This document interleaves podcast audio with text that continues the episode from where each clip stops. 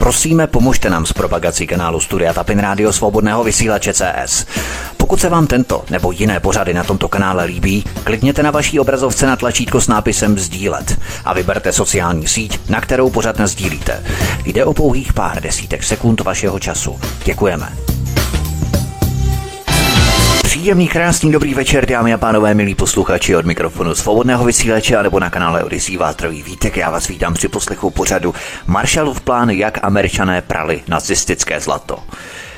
Dnešní program považuji za velmi významný pro pochopení vazeb a souvislostí zločineckého bankovního kartelu, který se splétal před druhou světovou válkou, během ní a po ní. Jsou to základní stavební kameny souvislostí, které si musíme skládat dohromady, abychom chápali, co se vlastně odehrává kolem nás. Proto vždy začínám historickými začátky a souvislostmi, protože ty právě tvoří samotný základ věcí, které jsou dnes rozvětvené a představují to, co já nazývám Mezinárodní zločinecký syndikát, tedy spojení průmyslových, bankovních, korporátních, armádních, spravodajských a vládních zájmů. Můžeme to také definovat jako hluboký stát Deep State. Budeme si dnes povídat o tom, jak spojenci jako američané nebo britové obchodovali ve švýcarské Bazileji s nacistickým zlatem, zatímco o pár kilometrů dál za hranicemi zuřila válka. Budeme si povídat o tom, jak američané šéfovali švýcarské bance, která sloužila jako pračka pro ukradené nacistické zlato, které se rozptýlilo do celého světa. Budeme si také povídat o špionech, o sovětských dešifrovaných kabelogramech zvaných Venona, ale také o dalších tajných dokumentech, které byly ukryté ve vydlabané dýni. Ty potom vešly ve veřejnou známost jako Pumpkin Papers. V dnešním pořadu se bude proto vyskytovat poměrně hodně jmén, která jsou ale vrcholně důležitá pro pochopení těchto svazků. Když jsem přemýšlel, jak bych nejlépe dnešní program uchopil a odprezentoval, zvažoval jsem mnoho variant a mnoho možností. Ale nakonec jsem připadl na jediné možné řešení. Rozhodl jsem se vypracovat takový rozcestník jmen a k nim přiřazených funkcí. Všechno jsem umístil do pořadu popisu na kanále Odyssey. Nebojte, moc toho opravdu není. Ovšem při zpracování dnešního pořadu jsem čelil riziku, že to budou valit různé vazby, spojitosti, návaznosti, ve kterých se většina z nás ztratí. A ten základ proto nebudeme schopni pochopit v jeho plném významu a šíři. Prostě se nám to v hlavách zamotá, počase se na nás navalí příliš mnoho vazeb, takže naše soustředěnost buď poklesne, anebo se zcela rezignovaně vypne. A to je přesně to, co my určitě nechceme, že jo? A proto prosím klikněte na kanál Odyssey v rámci tohoto pořadu speciálně a poprosím vás, abyste měli tento mini seznam osob a funkcí stále před očima během poslechu dnešního dílu. Časem se vám ti lidé samozřejmě zautomatizují jako mě, ale než se tak stane, je dobré mít ten seznam stále před očima. Vím, možná po vás vyžaduji mnoho, protože koncentrovat se přes hodinu na poslech, povídání a ještě k tomu zírat jako kobry na monitor nebo na chytrý telefon je možná přece jenom trochu moc. Nicméně, pokud chceme vážně pronikat do základních atomů tvoření dnešního mezinárodního zločineckého syndikátu, který nás obklopuje, je nutné mít prostě pár těchto zásadních osob načtených. Tyto věci nám také vtisknou vhled do situace, jak tyto souvislosti probíhají dodnes. Všechno mě zabralo měsíce studia, překladů, zpracovávání, ale vůbec toho nelituju, protože určitým zvráceným způsobem je do jisté míry fascinující pronikat do tohoto zašmutrchaného spletence. Proto vás prosím, abyste si opravdu otevřeli tento pořad na kanále Odyssey, kde máte kromě kapitol i tento mini seznam jmen a funkcí. Tento seznam jsem rozčlenil do třech sekcí. První sekce američtí prezidenti a jejich spolupracovníci. Nebojte se, rozhodně to není mnoho jmen. Druhá sekce zpravodajské služby a třetí sekce řešení Německa. Ta třetí sekce se vám teď může jevit lehce nesouvislé a zmatečně, ale je to stěžejní v rámci kapitoly, kterou budu probírat. Tedy tři základní sekce. To by bylo k úvodu a pojďme rovnou skočit rovnýma nohama do první kapitoly. První kapitola bratři Dalisové, Harry Dexter White, Elger Hiss a předválečný mezinárodní bankovní systém. V poválečné Americe se souběžně vedle sebe odehrávalo několik událostí, které tvoří a zastřešují náš příběh. Těch událostí samozřejmě bylo mnohem víc, ale my se budeme soustředit pouze na tři základní dělové linie nebo osy. První věcí, první událostí byl kartel sedmi ropných společností, známých také jako Sedm sester, Seven Sisters. Totiž zvolením někdejšího amerického prezidenta Dwighta D. Eisenhowera v roce 1952 mělo hluboké a trvalé důsledky pro americkou zahraniční politiku. Největší americké ropné společnosti, kterým před tehdejšími volbami hrozilo trestní stíhání za kartelové dohody, naopak získali vytouženou svobodu pokračovat ve své činnosti. V některých vzdálených zemích, kde podnikali, byl vliv ropných korporací, například Exxonu, na místní politiku a bezpečnost dokonce větší než vliv samotného velvyslanectví Spojených států na té úrovni. Tento kartel sedmi páteřních ropných společností, neboli sedm sester, tedy tvrdě lobovali za své mezinárodní zájmy. Souběžně s tím došlo v roce 1953 k druhé pro nás klíčové události. Probíhalo totiž radikální vystupňování tajných operací CIA. Pokračovala rozsáhlá spiknutí s cílem svrhnout vlády Iránu v čele s Mohamedem Mosadekem a Guatemaly v čele s Jakobo Armenzem Kuzmánem. Prezident Harry Truman a jeho ministr zahraničí Dean Acheson ovšem obvinění z těchto spiknutí odmítli. Tím se nově definoval vztah Ameriky ke třetímu světu. Klíčem k této důležité změně nebyl předchozí prezident Dwight Eisenhower, ale bratři Dalisové, dříve oba partneři firmy Sullivan a Cromwell, která po léta zastupovala kartel sedmi ropných společností známých Sedm sester. Bratři Dalisové to měli rozehrané skutečně ve vrcholných patrech americké politiky, jak se patří. Zatímco Ellen Dallis byl šéfem CIA, jeho bratr John Foster Dallis byl ministrem zahraničí Spojených států. Prostě rodinkaření, jak má být. Dokud byl ministrem zahraničí John Foster Dallis, neměl jeho bratr, ředitel CIA Ellen Dallis, potřebu podléhat politické kontrole.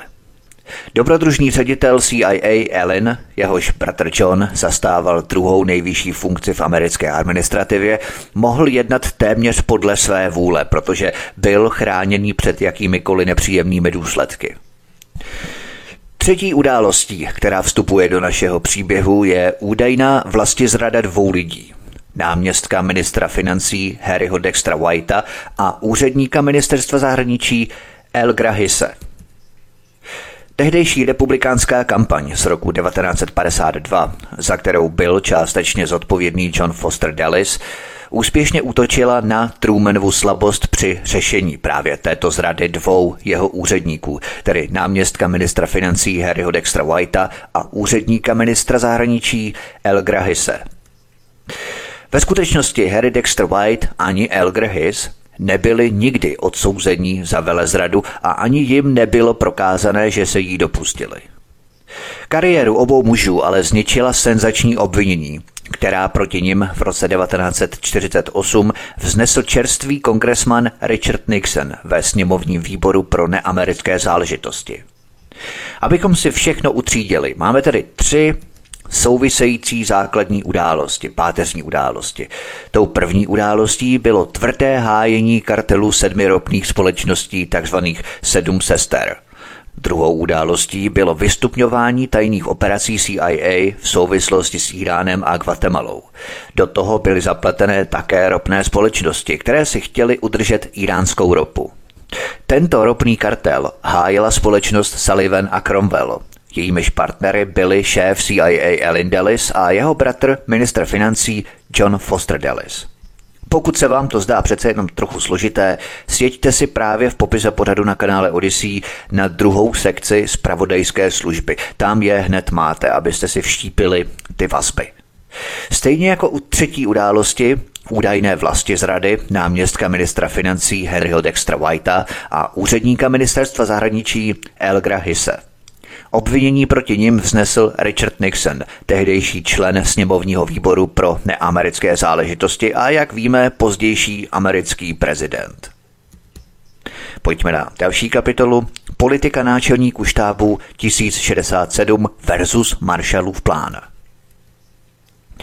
Jak jsem uvedl, Obvinění proti těmto dvěma vrcholovým americkým úředníkům vznesl tehdejší člen sněmovního výboru pro neamerické záležitosti Richard Nixon. Ten je pak také podrobil velkému výslechu jako hlavní vyšetřovatel tohoto výboru.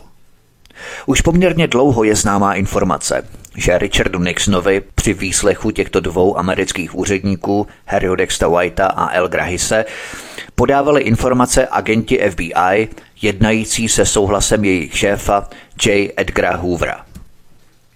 Ovšem tito agenti FBI nebyli jediní, kdo mu pomáhali.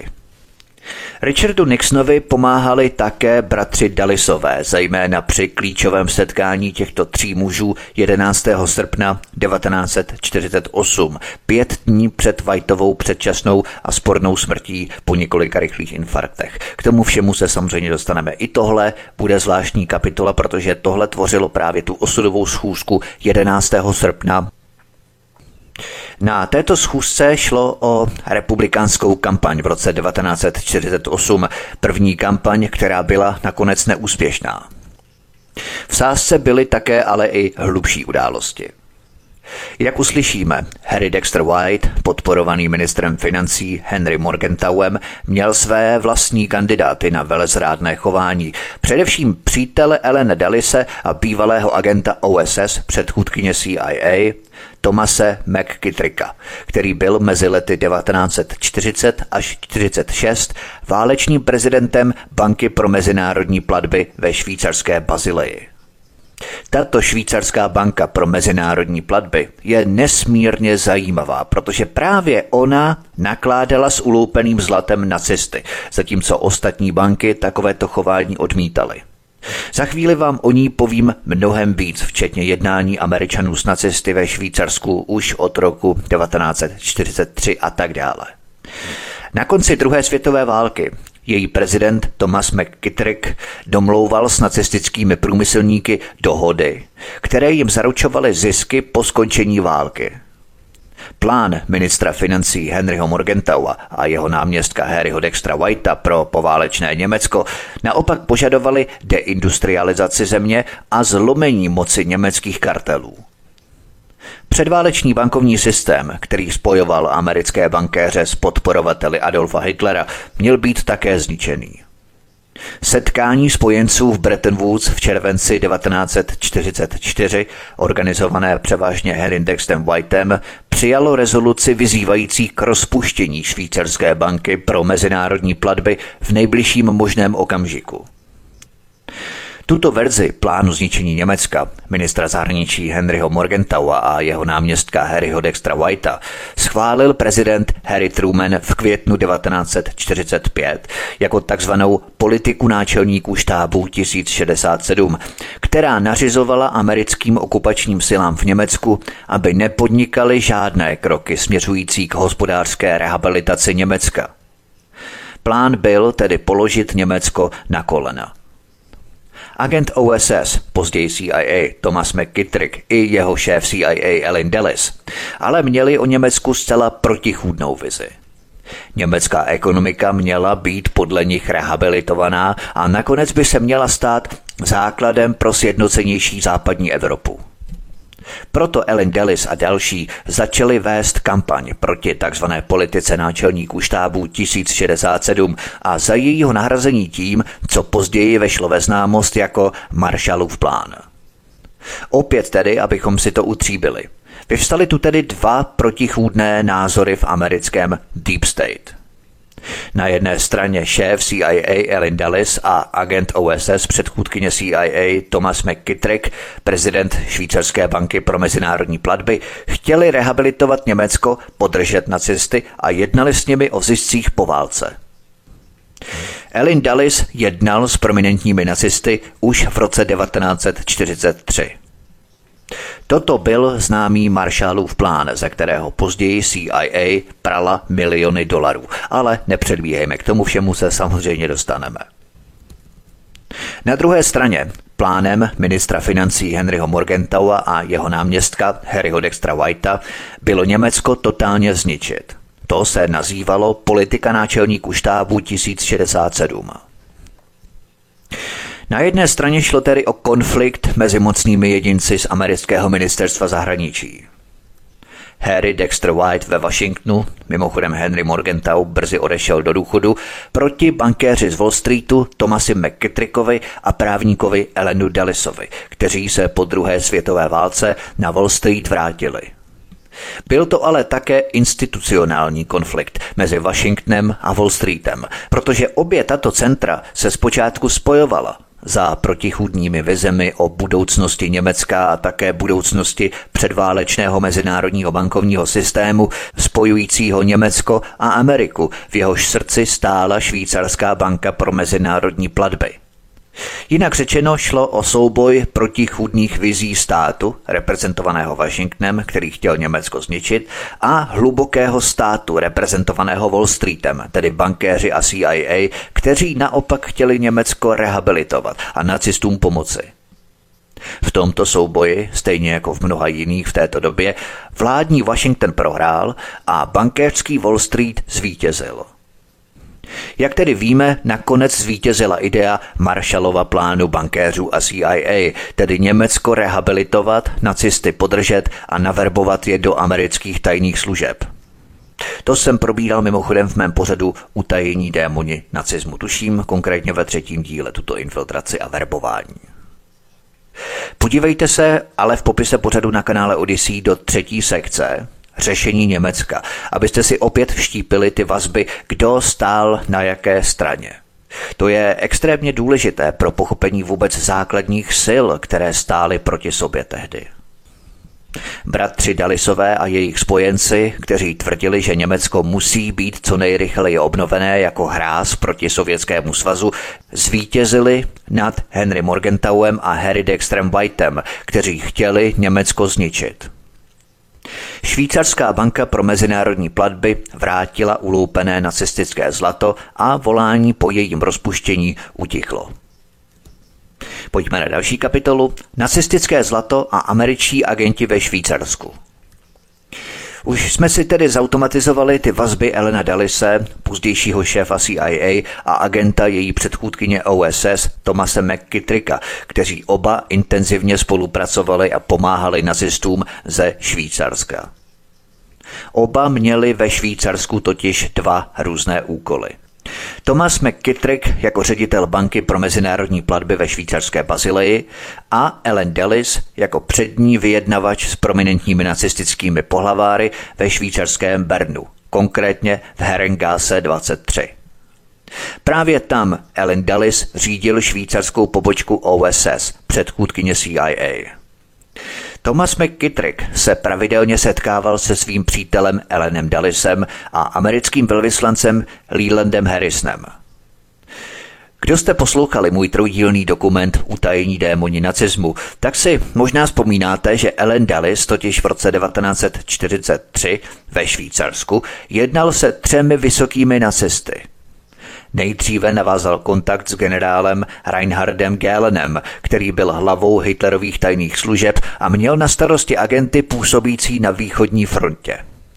Mimochodem tento Reinhard Gehlen se několik let po válce stal šéfem západoněmecké rozvědky. Něco neuvěřitelného. Všechno si můžete poslechnout v utajených démonech nacismu. Dále Ellen Dallis navázal kontakt s Otto von Bolschwingem, pravou rukou Heinricha Himmlera nebo Adolfa Eichmana a také navázal kontakt s Klausem Barbim, přezdívaným Lionský řezník. Všichni tito nacističtí váleční zločinci pracovali pro CIA, když skončila válka. Jak Ellen Dulles jako vyjednávač ve Švýcarsku, tak agent OSS Thomas McKittrick měli tedy velmi blízko k nacistům. Posloucháte pořad Marshallův plán, jak američané prali nacistické zlato. Od mikrofonu svobodného vysílače nebo na kanále Odisí vás zdraví vítek, písnička je před námi a po ní pokračujeme. Příjemný večer. Od mikrofonu svobodného vysílače nebo na kanále Odisí vás zdraví vítek, posloucháte pořad Marshallův plán, jak američané prali nacistické zlato. Podívejme se blíže na tuto banku pro mezinárodní platby ve švýcarské Bazileji. Jejímž prezidentem byl agent OSS Thomas McKittrick. Tato švýcarská banka pro mezinárodní platby je nesmírně zajímavá, protože právě ona nakládala s uloupeným zlatem nacisty, zatímco ostatní banky takovéto chování a jednání odmítaly. Během druhé světové války dostávala tato švýcarská banka pro mezinárodní platby zlato jako úroky z německého říšského sněmu, které, jak ukázalo pozdější vyšetřování, bylo uloupené z centrálních bank Belgie a Nizozemska. Tato banka byla založena v roce 1930 a je poloveřejnou institucí známou jako Centrální banka pro centrální bankéře. Tato švýcarská banka, jak se chlubil Gates McGarra, americký bankéř, který byl jejím prvním prezidentem, byla zcela vyňatá z jakékoliv vládní nebo politické kontroly. Tato banka sídlila v bývalém hotelu poblíž hlavního bazilejského nádraží a v době celosvětové finanční krize se rychle stala hlavním pilířem nového mezinárodního globálního finančního systému. Nikdy ovšem nehrála větší roli než během druhé světové války, kdy jejími klíčovými klienty byly německá Reichsbank a švýcarská národní banka. Kytrikova spolupráce s touto švýcarskou bankou začala v roce 1931, kdy se stal členem arbitrážního výboru pro německé úvěry, který rozhodoval spory týkajících se německých obchodních bank. Jedním ze dvou dalších členů byl Markus Wellenberg ze švédské banky Enskilda, který McKittricka poučil o složitostech mezinárodních financí. Markus a jeho bratr Jakob byli dva nejmocnější bankéři na světě. Během druhé světové války bratři Wellenbergové využívali banku Enskilda k tomu, aby hráli na obě strany a sklízeli obrovské zisky – v květnu 1939 byla Tomasi McKittrickovi nabídnutá funkce prezidenta této švýcarské banky pro mezinárodní platby, kterou ochotně přijal. Po nástupu do funkce po nástupu do funkce zůstal Markus Wellenberg jeho nejdůležitějším mentorem a učil amerického bankéře, jak vyjednávat na křehké cestě mezi znepřátelenými evropskými mocnostmi, stejně jako to obratně dělali sami Wellenbergovi. Mimochodem jedním ze členů představenstva této švýcarské banky byl, hádejte kdo, samotný Hermann Schmidt, generální ředitel IG Farben, obřího nacistického chemického konglomerátu, který vyráběl proslulý cyklon B do plynových komor v koncentračních táborech. To je jobovka, panečku. Tento Hermann Schmitz, generální ředitel IG Farbenu, byl členem představenstva této švýcarské banky pro mezinárodní platby. Dokonce tento Hermann Schmitz poslal v lednu 1941 McKittrickovi své nejupřímnější novoroční přání.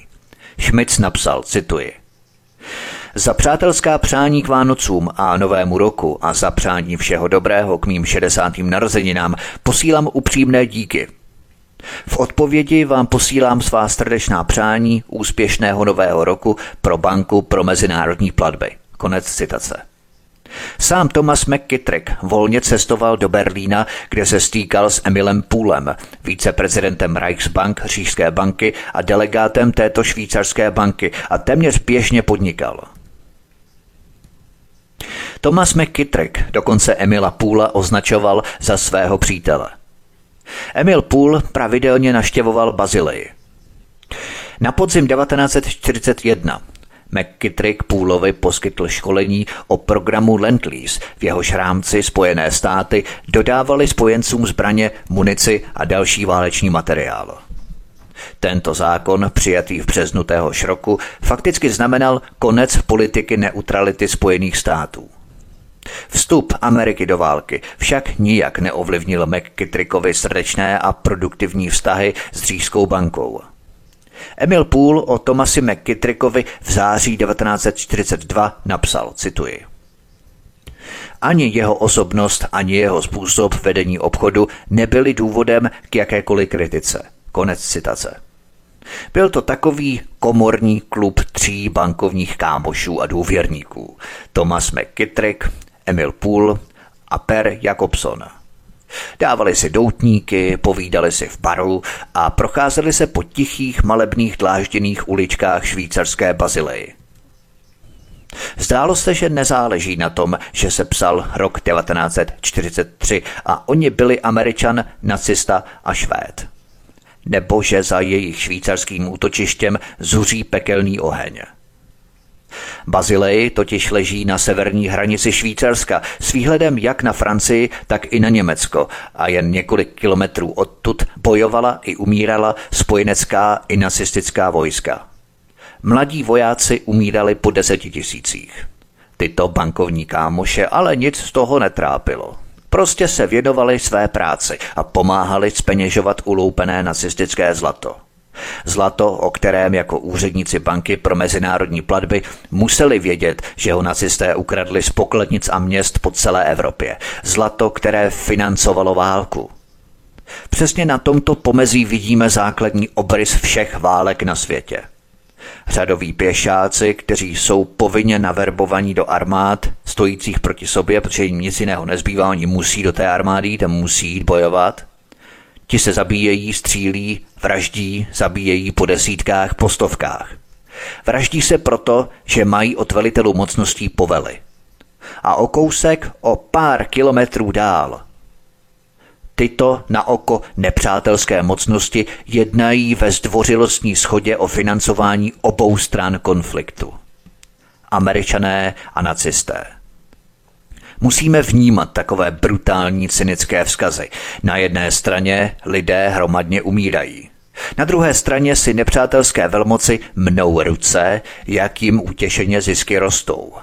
A čím déle se válčí, čím déle lidé hromadně umírají, čím více a déle se střílí, tím tučnější mají bankovní konta z prodeje zbraní a munice na obou stranách fronty.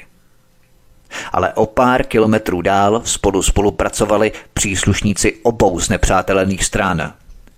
Ředitel Roger Obon byl francouz. Paul Hechler Zástupce ředitele byl Němec, člen nacistické strany, který svou korespondenci podepisoval Heil Hitler, jak vyžadovaly německé zákony. Rafaele Piloty, tajemník banky, byl Ital. V bance také pracovali britští občané. Jejím ředitelem byl američan Thomas McKittrick.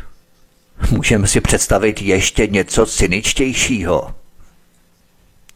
Pod vedením Tomase McKittricka tato švýcarská banka přijímala zlato pirátsky získané na cesty a prala ho na valuty na švýcarské franky a americké dolary, které Berlín potřeboval k nákupu surovin a munice. Švýcarská banka pro mezinárodní platby sice sama od nacistů nakoupila jen málo zlata, pouhých v úvozovkách 15 milionů dolarů, ale byla rozhodujícím prostředníkem, který propůjčoval praní špinavého zlata auru cti mezi zloději. Tato švýcarská banka byla centrálním převodním místem, kde se uzavíraly obchody, kde se zástupci Portugalska setkávali se zástupci Říčské banky a právě díky tomu proudili peníze do nacistických pokladen. Jako každý bystrý obchodník s horkým zbožím se Švýcaři rychle zbavili velké části svého zlata, především prostřednictvím Portugalska, ale také Švédska, Španělska a dalších centrálních bank opět naše staré, dobré známé centrální banky.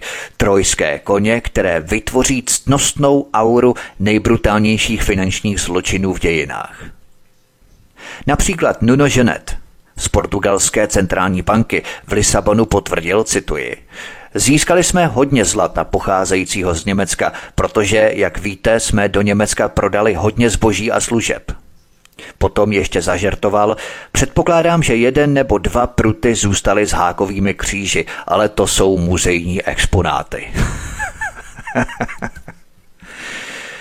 Tato švýcarská banka byla pro nacisty tak nepostradatelná, že dokonce viceprezident Říšské banky Emil Pool, který byl později souzený za válečné zločiny, jednou označil tuto banku za jedinou zahraniční pobočku Říšské banky. Například Telegram OSS číslo 3589 pomlčka 90 odeslaný 25. května 1944 zaznamenává půlovy obavy nikoli z toho, že by válka byla prohraná, ale z toho, že by Říšská banka mohla během poválečné obnovy ztratit své výsadní postavení. Cituji. Přednedávnem měl náš 644, což bylo krycí číslo pro Tomase McKittricka, dlouhé rozhovory s Emilem Půlem z Říšské banky. Byl nesmírně sklíčený, ani ne tak představou nacistické porážky, ale situací, se kterou se Německo bude muset později vypořádat. Říšská banka se věnovala práci na plánech obnovy a zřejmě není schopná pochopit, kde by se dalo účinně začít. Konec citace.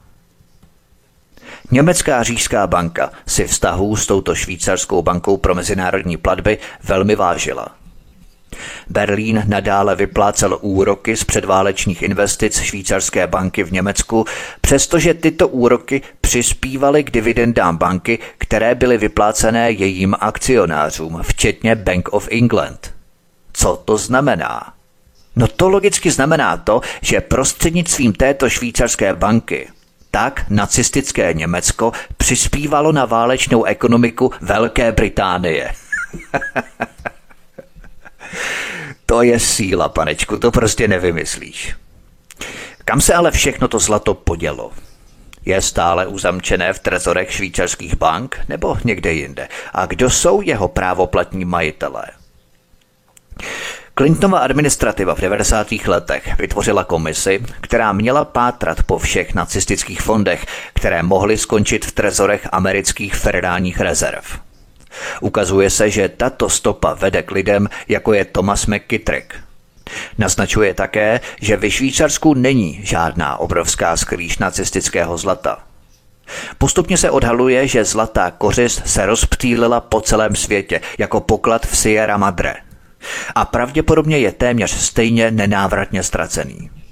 Ještě důležitější je, že zkoumání mnoha válečných dokumentů, včetně nově otajněných spojeneckých poznámek a švýcarských bankovních knih, jasně ukazuje, že nejen Švýcaři, hlavní pokladníci nacistického zlata, mají co skrývat. Na praní nacistických prostředků nebo po válce na zadržování ukradených aktiv se podílela řada podivných stran – neutrální státy, spojenecké vlády a naše švýcarská banka pro mezinárodní platby. Podle většiny odhadů prošly švýcarském během války asi dvě třetiny ukradeného nacistického zlata. To tehdy tvořilo zhruba 660 milionů dolarů, v dnešních dolarech asi 7,8 miliardy.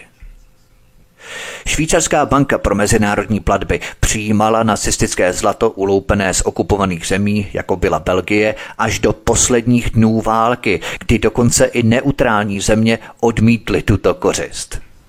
Prostě byla neutrální, chovala se neutrálně. Na konci druhé světové války Prezident švýcarské banky pro mezinárodní platby Thomas McKittrick domlouval s nacistickými průmyslníky dohody, které jim měly zaručit zisky po skončení války. To prostě nevymyslíš. Zatímco američtí vojáci bojovali napříč západní Evropou, Thomas McKittrick sjednával obchody s nacistickými průmyslníky, aby jim zajistil zisky po vítězství spojenců. Cituji z otajněných kabelogramů. Nová dohoda zaručí německým exportním zájmům v tomto druhém období příjem z vývozu při nejmenším ve výši jejich předválečných příjmů, bez ohledu na očekávané přerušení německé kartelové kontroly, stálo v dokumentu. Druhý odstavec popisoval, jak i v době, kdy spojenečtí letci bombardovali Německo, probíhala jednání o zachování průmyslové podstaty říše – Navíc každý, kdo tohle spochybňoval, byl podle Tomase McKittricka pouze levicový radikál. Cituji. Thomas H. McKittrick, americký prezident švýcarské banky pro mezinárodní platby, oznámil své rozhodnutí pokračovat v úsilí o úzkou spolupráci mezi spojeneckými a německými podniky bez ohledu na odpor některých levicově radikálních skupin.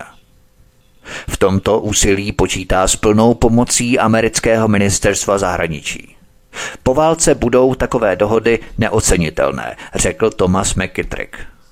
To je prostě síla. A co se nestalo po válce? Washington skutečně této bance odpustil. V roce 1947 jí Federální rezervní banka v New Yorku vystavila čistý účet. Bylo to za zlato, které Thomas McKittrick americkému Fedu dodali jako odpustek a očištění? Američané jsou přece věřící, ne? Tak cena za odpustky se z pár zlatek zvýšila na stovky zlatých prutů. Thomas McKittrick a jeho kumpáni pokračovali dál. Perry Jacobson se stal šéfem Mezinárodního měnového fondu, zatímco Thomas McKittrick získal pohodlný post v tehdejší Chase National Bank v New Yorku, kde měl na starosti zahraniční půjčky. V témže roce byl dokonce Thomas McKittrick pozvaný do Bruselu a vyznamenaný belgickým královským řádem koruny – Toto vyznamenání, jak bylo uvedeno v tiskovém prohlášení, bylo uznáním jeho přátelského postoje k Belgii a jeho zásluh ve funkci prezidenta banky.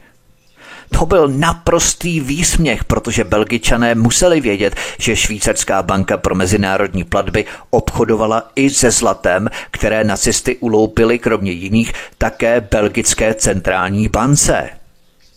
Přesto jejího ředitele Tomase McKittricka Belgie vyznamenala. Tohle prostě nevymyslíš. Thomas McKittrick byl ale také klíčovým kontaktem mezi spojenci a nacisty. Předával informace z Washingtonu do Berlína a zpět. Jeho vztahy s Třetí říší podporovaly jak frakce na americké ministerstvu zahraničí, tak i OSS, předchůdkyně CIA. Sloužil také jako prostředník mezi protinacistickými německými obchodními zájmy a spojenými státy a nakonec pomohl zachovat moc německého průmyslu po válce. A to i přes odpor nikoho menšího, než byl ministr financí Henry Morgenthau. To jsme si vysvětlili v předchozí kapitole. Thomas McKittrick ale požíval významného postavení na Wall Streetu během celé druhé světové války, nejenom po ní. Například v zimě roku 1942 odcestoval Thomas McKittrick do Spojených států. O jeho návratu do New Yorku se mluvilo na Wall Streetu. 17. prosince 1942 uspořádal Leon Fraser, americký bankéř a sám bývalý prezident této švýcarské banky, pro McKittricka večeři v University Clubu. Na jeho počest se sešlo 37 nejvlivnějších finančníků, průmyslníků a obchodníků Spojených států. Byli mezi nimi například prezidenti New Yorkské federální rezervní banky neboli Fed, National City Bank, Bankers Trust a General Electric, jakož i bývalý náměstek ministra financí a bývalý americký velvyslanec v Německu. Vedoucí pracovníky vyslali také společnosti Rockefellerovi Standard Oil, General Motors, JP Morgan, Brown Brothers Harriman, jejíž Union Banking v New Yorku šéfoval Prescott Bush a zde si právě nacisté ukládali další zlato, čili všechny, kdo podporovali nacisty během celé druhé světové války. Několik pojišťoven a dokonce i Kuhn Loeb. Jednalo se pravděpodobně o největší jednorázové setkání amerických válečných spekulantů. Mnohé z těchto společností a bank, stejně jako Thomas McKittrick, zbohatly na svých vazbách na Německo, které jim přinášely zisky ještě dlouho po Hitlerově nástupu k moci v roce 1933 a rozhodně i po vypuknutí války v roce 1939. Jak už víme, Thomas McKittrick byl agentem OSS, předchůdkyně CIA. Měl proto krytí od Elena Dalise, který sám jednal ve Švýcarsku s prominentními nacisty. To je naprosto a zásadně důležité. Proč? Bratři Ellen a John Foster Dallisové hráli totiž jako právníci společnosti Sullivan and Cromwell velmi klíčovou roli v meziválečném západním financování a refinancování německého dluhu. Hlavní roli v těchto transakcích hrála britská obchodní banka J. Henry Schroeder a její americká ceřiná společnost J. Henry Schroeder Banking Corporation, kde Ellen Dulles působil jako ředitel a jeho bratr John jako právník.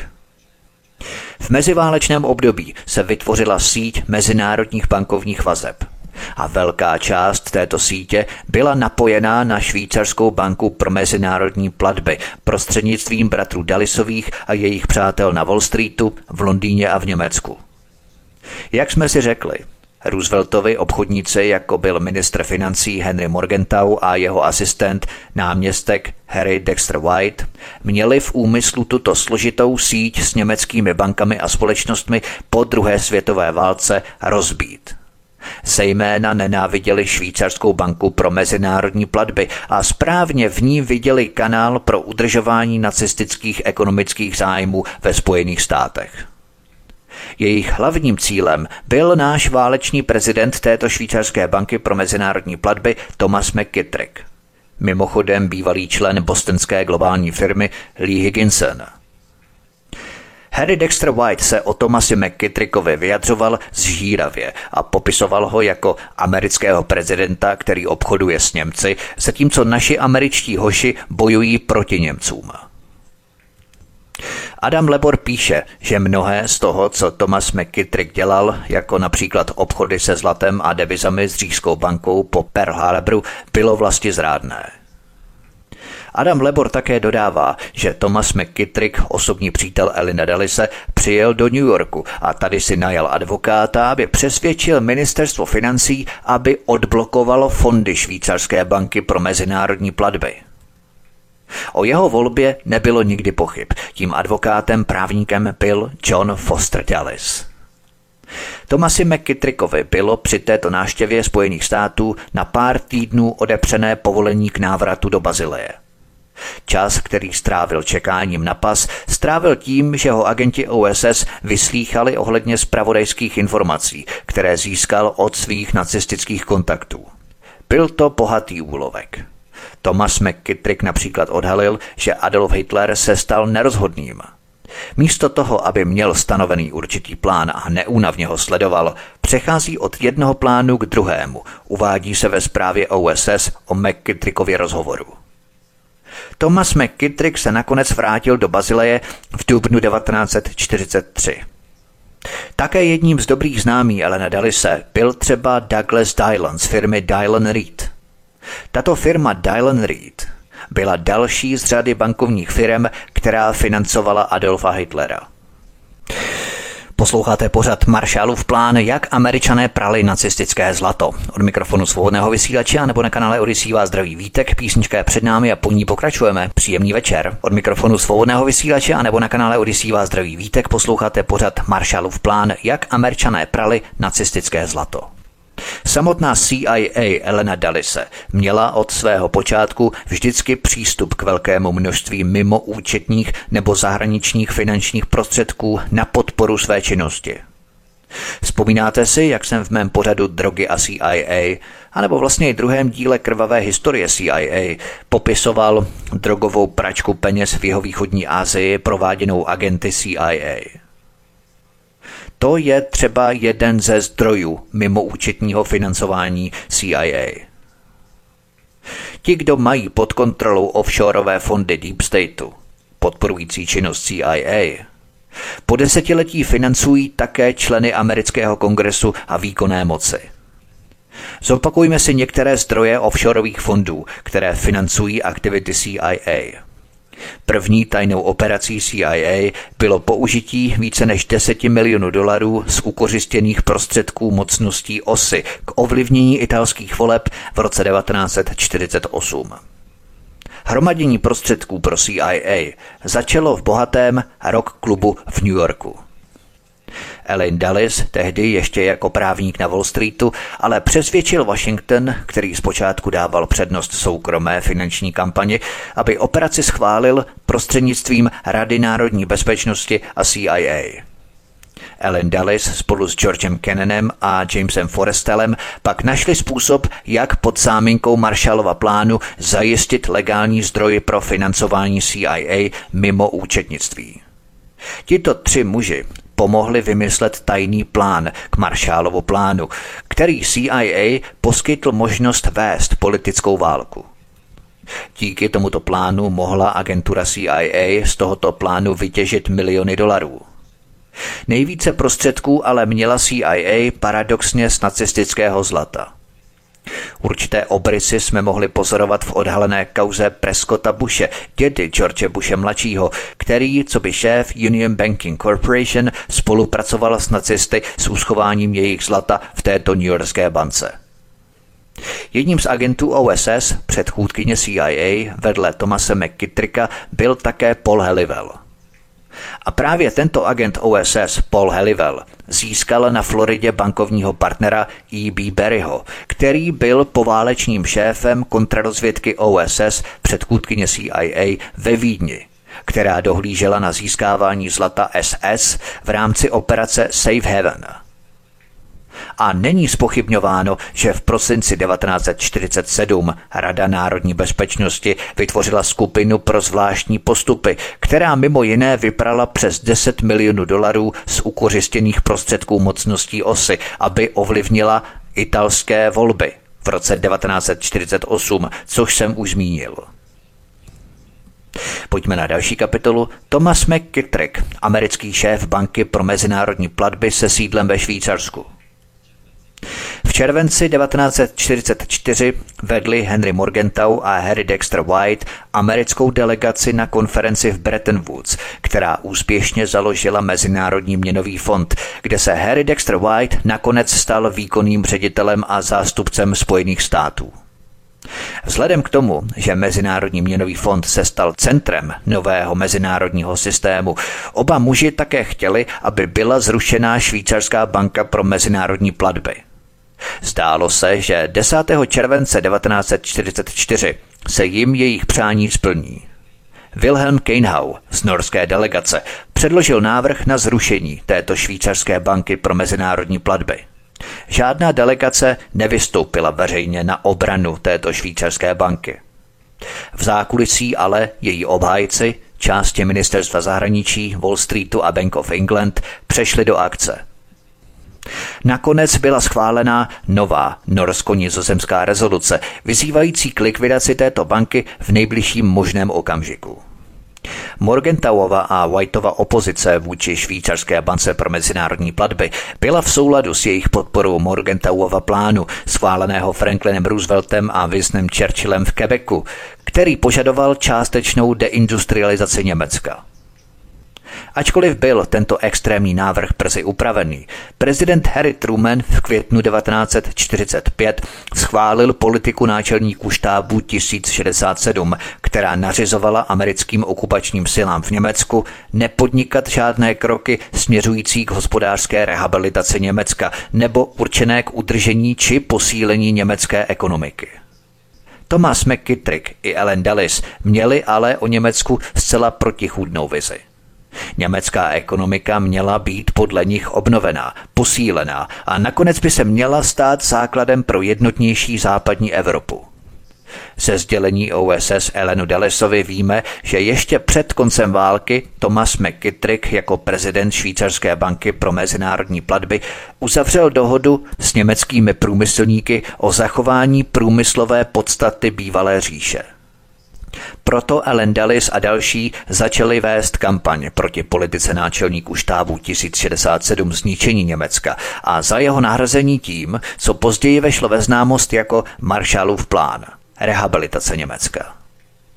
V polovině roku 1947 byl zbytek Morgentauova deindustrializačního plánu generálem Luciusem Clayem, americkým velitelem okupačních sil, natolik rozmělněný, že ztratil smysl – Washingtonská směrnice JSC 1079, přijatá v létě 1947, tuto změnu politiky institucionalizovala. Německý průmysl měl být obnovený. Jeho ocelárny a kovárny měly být opět tahounem Evropy. Kdo se tedy provinil velezradou? Thomas McKittrick, který chránil nacisty? A nebo Harry Dexter White, který chtěl naopak Německo zničit? Plány Harryho Dextra Whitea a dalších osob pro poválečné Německo i pro švýcarskou banku pro mezinárodní platby tak byly v roce 1948 definitivně zmařené. Teprve v Clintonově éře o více než půl století později se projevila nedůvěra některých Američanů vůči švýcarské bance pro mezinárodní platby a Tomasi McKittrickovi. Při nejmenším spojenecké úřady podezřívali Tomase McKittricka, že pomáhal mocnostem osy získávat finanční prostředky, které se americká vláda snažila zmrazit. Tvrdil, že švýcarská banka pro mezinárodní platby byla neutrální a že tato banka žádné uloupené zlato nedržela. OSS, předchůdkyně CIA, našla důkazy, že Thomas McKittrick spolupracoval s nacisty. Zpráva předaná prezidentovi Billu Clintonovi tvrdila, že mocnosti osy prakticky ovládly švýcarskou banku pro mezinárodní platby. John Loftus a Marcus Arons jdou ještě mnohem dál a obvinují Elena Dalise a Tomase McKittricka, že se společně spolčili, aby v poválečném období převezli uloupené zlato nacisty do Argentiny. Opatrnější výpověď podal James Calvin Baker, který do toho zapletl pouze švýcarskou banku pro mezinárodní platby za McKittrickova válečného působení, nikoliv ovšem samotného Elena Dalise. Po druhé světové válce byl Thomas McKittrick jmenovaný do vysoké funkce v Chase Manhattan, tedy Chase National Bank. A téměř 50 let byly operace týkající se švýcarské banky pro mezinárodní platby a dalších švýcarských bank a uloupených aktiv na cesty skryté v tajných dokumentech. Americké ministerstvo financí pod vedením Harryho Dextra Whitea sledovalo nacistické zlato, jak se přesouvá do švýcarské banky pro mezinárodní platby a zní. Bylo zjištěné, že k několika těmto transakcím došlo mezi touto bankou a dalšími velkými švýcarskými bankami. Z těchto švýcarských bank nacisté peníze používali k nákupům válečného materiálu nebo je převáděli na účty ve Španělsku, Argentíně a na Blízkém východě. Wall Street se ale sešikoval na McKittrickovou ochranu a nabídl mu pozice nejprve v Chase National Bank a poté na pozvání Everella Harrimana, aby spravoval to, co se stalo Marshallovým plánem. Everell Harriman také jmenoval poradní výbor, ve kterém zasedal Owen Young, hlavní autor předválečných dohod o německém dluhu a samozřejmě i Ellen Dulles, který v Marshallově plánu viděl prostředek, jak zasadit smrtící ránu pro šíření komunismu v západní Evropě. Pojďme na další kapitolu. Venona, Henry Dexter White a Elger Hiss. Důvody vítězství bankerského Wall Streetu a CIA na zavedení Marshallova plánu byly různé. Mezi nimi vynikala Rooseveltova smrt a jeho nahrazení Trumanovým konzervativním ministrem zahraničí Jamesem Birnesem – Snad ještě důležitější bylo chování Josefa Stalina ve východní Evropě a odhalení díky zběhnutí sovětského šifranta v Otavě v roce 1946, že Moskva měla na západě robustní síť špionů. Tyto a další faktory brzy přiměly Washington souhlasit s nahrazením politiky náčelníků štábu 1067 zničení Německa Marshallovým plánem naopak Německo rehabilitovat. Marshallův plán by se možná měl lépe nazývat Dalisův plán. Tento konflikt dvou protichůdných názorů ale měl i hlubší aspekty. Bratři Dalisovi byli odhodlaní zničit nejen plán pro zničení Německa, který se jim nelíbil, ale i demokratický New Deal, kterým strana pod vedením nejprve Franklina Roosevelta a poté Harryho Trumana omezila tradiční svobody Wall Streetu a teď hrozila rozbitím ropného kartelu. Zde si republikáni vyhlédli především náměstka ministra financí Harryho Dextra Whitea. Důvodem, který se tehdy uváděl a kterému někteří inteligentní lidé stále věří, bylo, že Harry Dexter White byl špion. Jak ale uslyšíme, jsou i tací, kteří se domnívají, že důkazy proto jsou velmi sporné a velmi chatrné. Vezmeme v úvahu domněnku spisovatele Anthony Summerse a dalších, že Ellen Dulles a CIA byli už v červenci 1948 zdrojem rozruchu kolem údajné zrady nejprve Harryho Dextra Whitea a poté po Whiteově smrti v srpnu 1948 mnohem méně významné náhradní postavy úředníka ministra zahraničí El Grahise. Spisovatel Anthony Summers naznačuje, že šéf CIA Ellen Dulles mohl mít i v době, kdy byl ještě právníkem na Wall Streetu, přístup k tajné zbrani, kterou neměl k dispozici pouhý asistent ministra financí jako Harry Dexter White. takzvaným záznamům Venona s dešifrovanou sovětskou komunikací. Mnozí představitelé označovali poválečné stíhání El Grahise a manželů Rosenbergových za ukázkové procesy a tvrdili, že jejich základním účelem nebylo určit vinu či nevinu ale ovlivnit veřejné mínění zveřejněním už tak rozhodnuté viny jako varování před dizentem. Špionážní strašení ve 40. letech ale bylo při nejmenším z části skutečné a to především na základě důkazů z nově přeloženého záznamu sovětské dešifrované komunikace Venona. Je jisté, že tyto odposlechy Venona pomohly identifikovat a usvědčit špiony, jako byla Judith Koplonová, i když z bezpečnostních důvodů nebyly tyto odposlechy při soudních procesech s nimi předložené. Důkazy ze sovětské dešifrované komunikace Venona byly použité také ke vznesení podezření vůči dalším dvěma podezřelým vysokému úředníkovi ministerstva financí Harrymu Dexter Whiteovi a El Gruhisovi. O důkazech sovětské dešifrované komunikace Venona proti těmto dvěma mužům se ale stále vedou ostré diskuze. A kampaň proti oběma mužům nebyla poháněná pouze bezpečnostními obavami. Při nejmenším z části byla také vedlejším produktem hlubšího konfliktu o budoucnost Ameriky mezi Wall Streetem, reprezentovaným bratry Dallisovými, a zbytky New Dealu, reprezentovanými Harry Dexterem Whiteem, hlavním architektem Mezinárodního měnového fondu a Světové banky. Pojďme na další kapitolu. Harry Dexter White, architekt Mezinárodního měnového fondu a Světové banky. Jednou z věcí, které zachránili prezidenta Švýcarské banky pro mezinárodní platby Tomase McKittricka a Švýcarskou banku pro mezinárodní platby samotnou, bylo špionážní strašení ve 40. letech, které do něj právem či neprávem zapletlo Harryho Dextra Whitea. Nepochybně byli odhalení skuteční špioni, někteří z nich díky dešifrovaným sovětským odposlechům Venona, ale jiní se stali obětí hysterie. Byl Harry Dexter White jednou z těchto obětí? White zemřel dříve, než mohl být obžalovaný a obvinění proti němu jsou v Americe stále sporná. Harry Dexter White nepochybně sdílel informace s představiteli Sovětského svazu, který byl tehdy jeho spojencem. Váha důkazů ale svědčí o tom, že nebyl ani členem komunistické strany, ani nebyl bezpečně pod sovětskou kontrolou. Sám Whitaker Chambers o Whiteovi řekl, jeho motivy mě vždycky mátly. Jisté je, že přepisy ze sovětské dešifrované komunikace Venona byly použité k přesvědčení amerických úředníků, že Harry Dexter White byl sovětský špion a tím jeho kariéra skončila. Je také jasné, že svou roli sehrála i hysterie – John Loftus a Mark Arons tvrdí, že bratři Dallisové tuto hysterii pomáhali rozmíchat a Richard Nixon, tehdy člen sněmovního výboru pro neamerické záležitosti, se stal mluvčím Elena Dallise v americkém kongresu.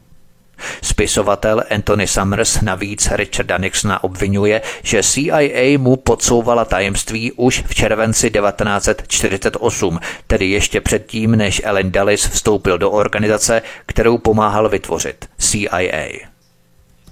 Pojďme na další kapitolu. Richard Nixon, Jerry Horhis a Švýcarská banka pro mezinárodní platby. John Loftus a Mark Arons datují tuto tajnou spolupráci mezi Ellenem Dallisem a Richardem Nixonem do roku 1945.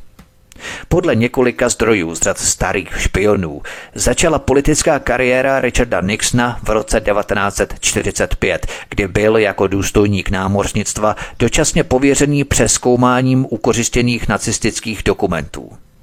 Ellen Dallis mu údajně řekl, aby mlčel o tom, co viděl a na oplátku zařídil financování první kongresové kampaně tohoto mladého muže proti stávajícímu kongresmenovi Jerrymu Vurhisovi. Ačkoliv se o tom John Loftus a Marcus Arons nezmiňují, Jerry Voorhis v kongresu byl hlavním spojencem a mluvčím Morgentauových a Whiteových obvinění proti švýcarské bance pro mezinárodní platby, protože v roce 1943 vyzval k vyšetřování právě této banky. Ellen Dulles měl tehdy nepochybně další motiv, aby Jerryho Voorhise porazil – Sám Jerry Voorhis v nepublikovaném rukopise knihy z roku 1947 napsal, že měl spoustu dokumentů, které by ukázaly, jak byla Nixonova kampaň z roku 1946 výtvorem velkých východních finančních zájmů, včetně velkých ropných společností a také zástupce Rockefellerovy Standard Oil, společnosti zastupované firmou Sullivan a Cromwell s bratry Dallisovými, jejíž podezřelé vládní obchody právě kongresman Jerry Voorhis odhalil, byl přítomen na schůzi, která vybrala Richarda Nixona jako kandidáta. Těmito machinacemi se Richard Nixon dostal na jeho politickou dráhu podporou ropných společností Elena Dallise a dalších bankéřů z Wall Streetu. Právě tyto skupiny podporovaly jeho kampaň do amerického kongresu v roce 1946. Nehledě k tomu, že Richard Nixon uzavřel dohodu s Elenem Dallisem o mlčení všeho, co viděl v rámci přeskumu ukořistěných nacistických dokumentů. Tohle byly začátky jednoho z pozdějších prezidentů Ameriky. Posloucháte pořad Marshallův plán, jak američané prali nacistické zlato. Od mikrofonu svobodného vysílače nebo na kanále Odisí vás zdraví Vítek, písnička je před námi a po ní pokračujeme. Příjemný večer. Od mikrofonu svobodného vysílače nebo na kanále Odisí vás zdraví Vítek, posloucháte pořad Marshallův plán, jak američané prali nacistické zlato. Pojďme na další kapitolu. Richard Nixon a bratři Dallisové 11. srpna 1948 a Harry Dexter White.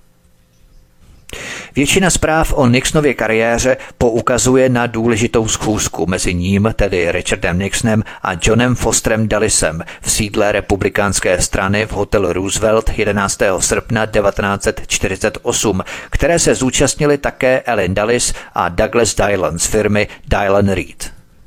Jak jsem zmínil, firma Dylan Reed byla jednou z bankovních firm, která financovala Adolfa Hitlera. Podle tradičního výkladu se Richard Nixon obrátil na Elena Dallise se zprávou o jednání sněmovního výboru pro neamerické záležitosti, ve kterém zasedal. Prakticky všechna svědectví uvádějí, že se jejich diskuze týkala El Grahise – Právě tento úředník ministra zahraničí byl dalším náhradním kandidátem na sestřelení. Potom, co Harry Dexter White pět dní po výslechu výborem 16. srpna nečekaně zemřel po dvou rychlých infarktech. Oni ale potřebovali mít svého špiona za každou cenu. Pojďme na další kapitolu. John Foster Dulles, viceprezident Richard Nixon a iránský šách – je ale pravděpodobné, že když se Richard Nixon 11. srpna 1948 sešel s bratry Dallisovými, nebylo nejnaléhavějším tématem jednání o El Gruhisovi, ale muž, který byl tehdy hlavním cílem vyšetřování sněmovního výboru pro neamerické záležitosti, byl Harry Dexter White.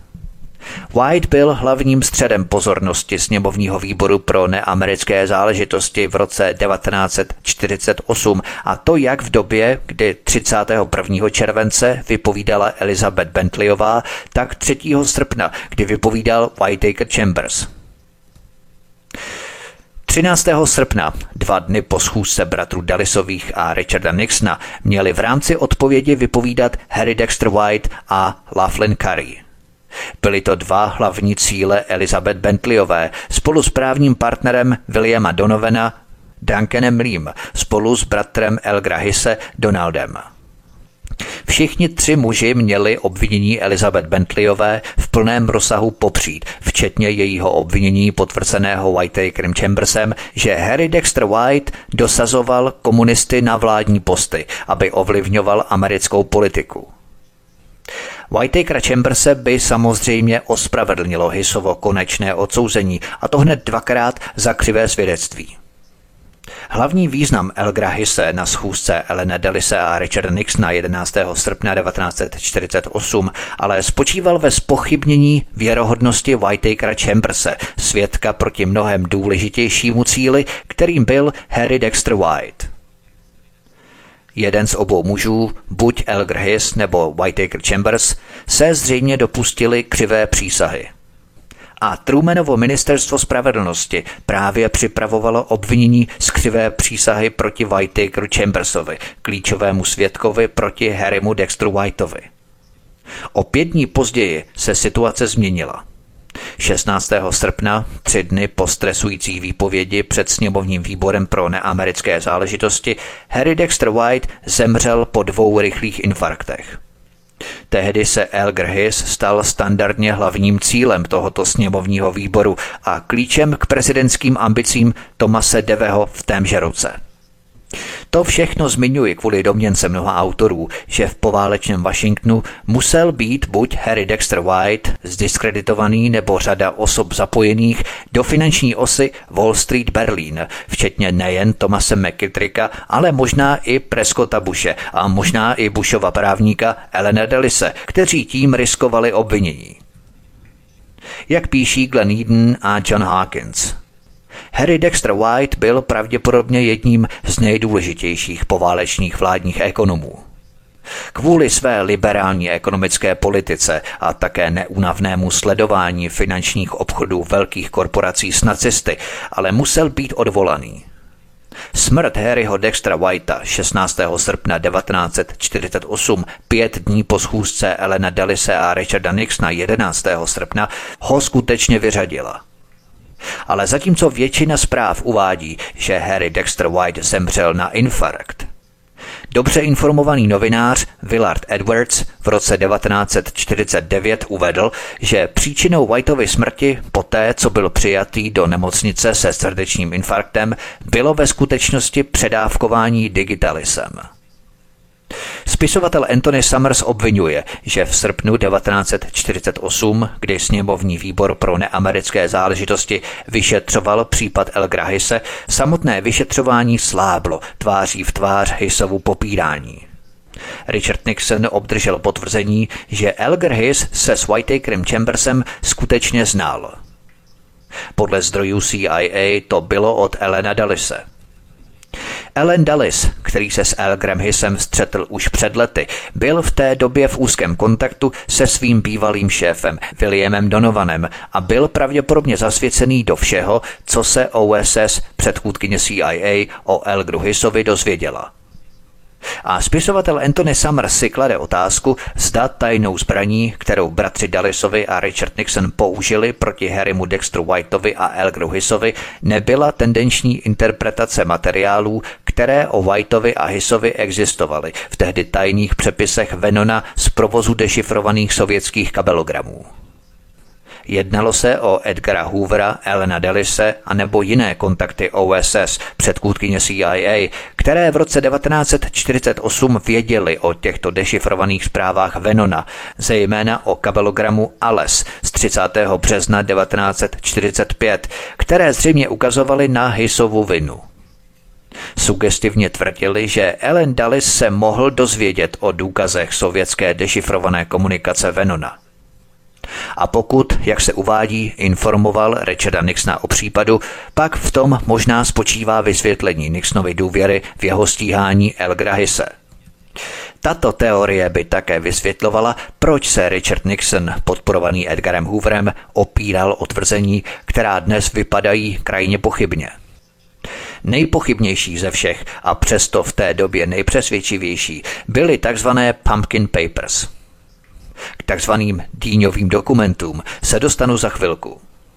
Velkou porotu, svolanou k obvinění Whitakera Chamberse, přesvědčil Richard Nixon v prosinci 1948 mimořádným výkonem kongresmana, aby místo něj obvinila Elgra Hisse. Richard Nixon tak učinil kontroverzním činem, když velké porotě předal kopie záznamů z Pumpkin Papers – Richard Nixon byl kolegou kongresmanem upozorněný, že tyto záznamy patřily sněmovně a neměly by být předané velké porotě. Richard Nixon ale, jak později napsal ve své knize Šest krizí, považoval tyto sovětské dešifrované kabelogramy Venona za zásadní důkaz Hissovy viny. Byl přesvědčený o tom, že ministerstvo spravedlnosti nebralo vyšetřování vážně a obával se, že by se velká porota mohla pokusit obžalovat Whitakera Chamberse z křivé přísahy místo Elgra Hisse. Je zřejmé, že v případě manželů Rosenbergových hrály důkazy ze sovětské dešifrované komunikace Venona klíčovou roli při jejich identifikaci a trestním stíhání. Protože z důvodu národní bezpečnosti nemohlo být při soudním procesu odhalené, že byl porušený sovětský kód, byly k odsouzení použité náhradní důkazy, ze kterých některé nebyly přesvědčivé.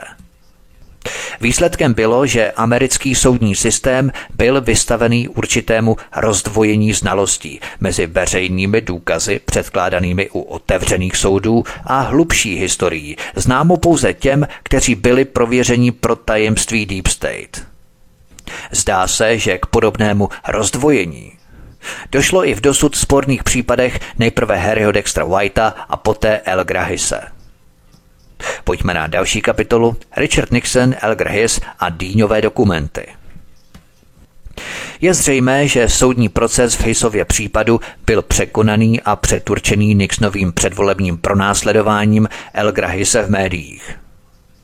Konrad Black, ve své v zásadě příznivé biografii Richarda Nixona připouští, že Nixon zaútočil na El Grahise jak jen mohl, když provedl útok na tisk poté, co pod přísahou přísahal, že zachová mlčenlivost o jednání výkonného zasedání sněmovního výboru pro neamerické záležitosti.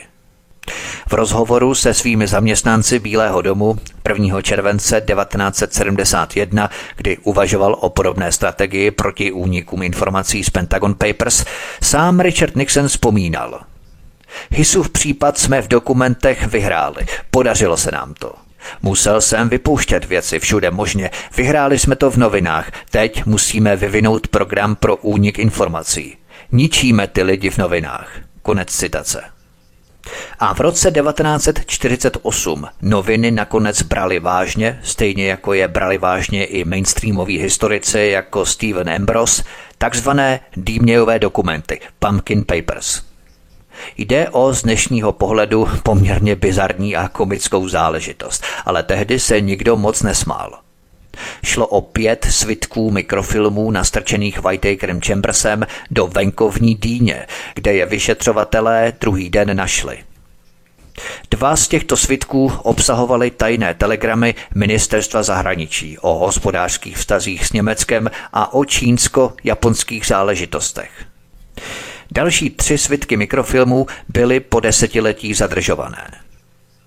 Podle Richarda Nixona ministerstvo zahraničí stále mělo pocit, že zveřejněním by poškodilo národní bezpečnost. V reakci na žalobu FOIA Elger Hiss v roce 1975 bylo umožněné proskoumat tři zadržované svitky mikrofilmů. Dva z těchto svitků pocházely z ministerstva námořnictva Spojených států a obsahovaly návody k použití hasících přístrojů záchranných člunů a prsních padáků. Třetí svitek byl prázdný.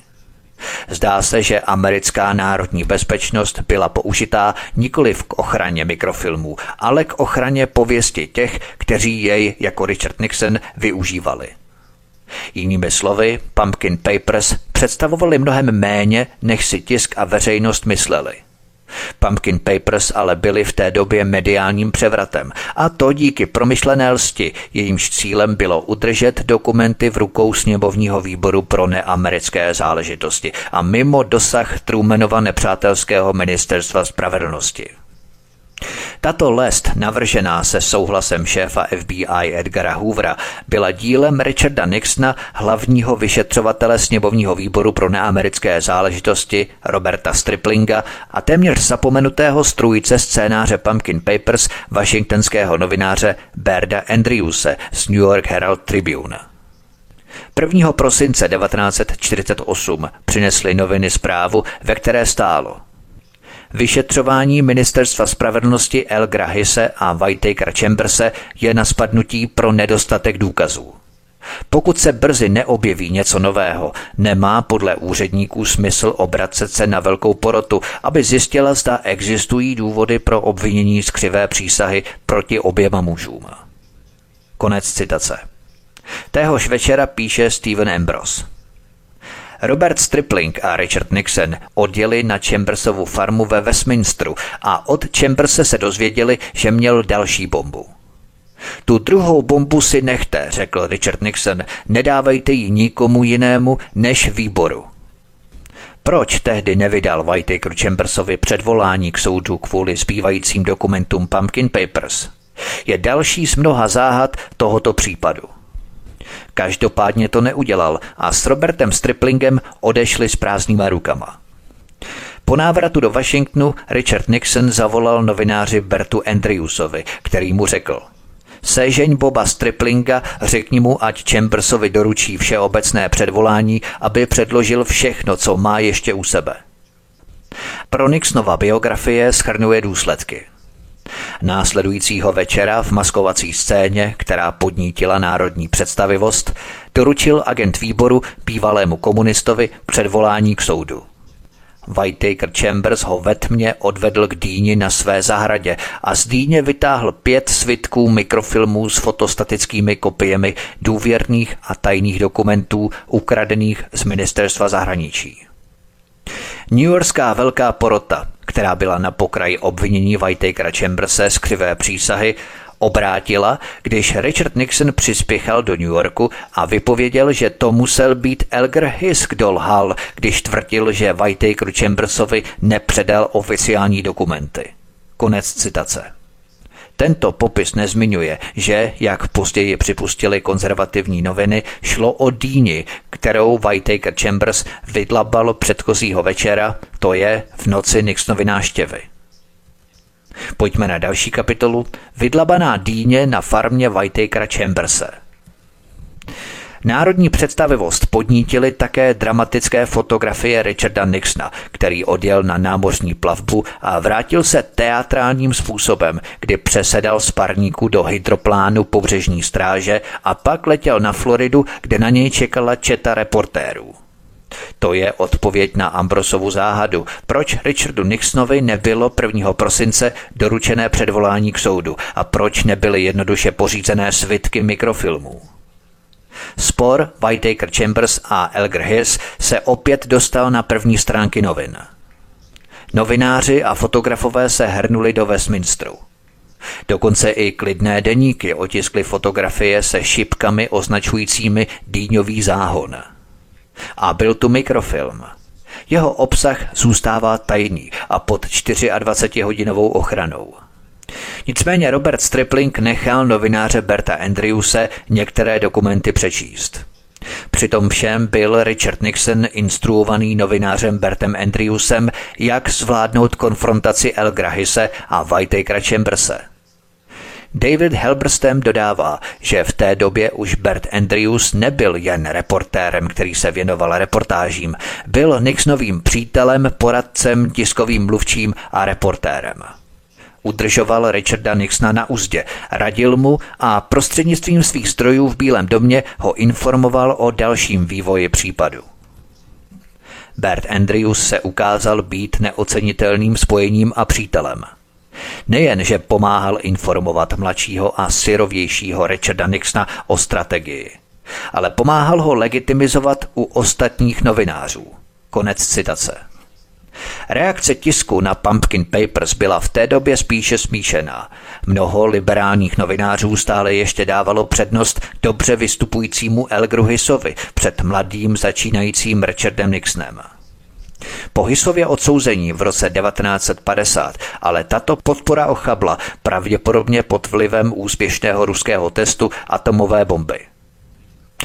Veřejná kritika dramatu nebo frašky Pumpkin Papers se úzce omezila na Hisovi slábnoucí příznivce, zejména po odsouzení manželů Rosenbergových během korejské války, kdy byl každý postavený před volbu, zda se teď dát na stranu vlády nebo komunistického nepřítele.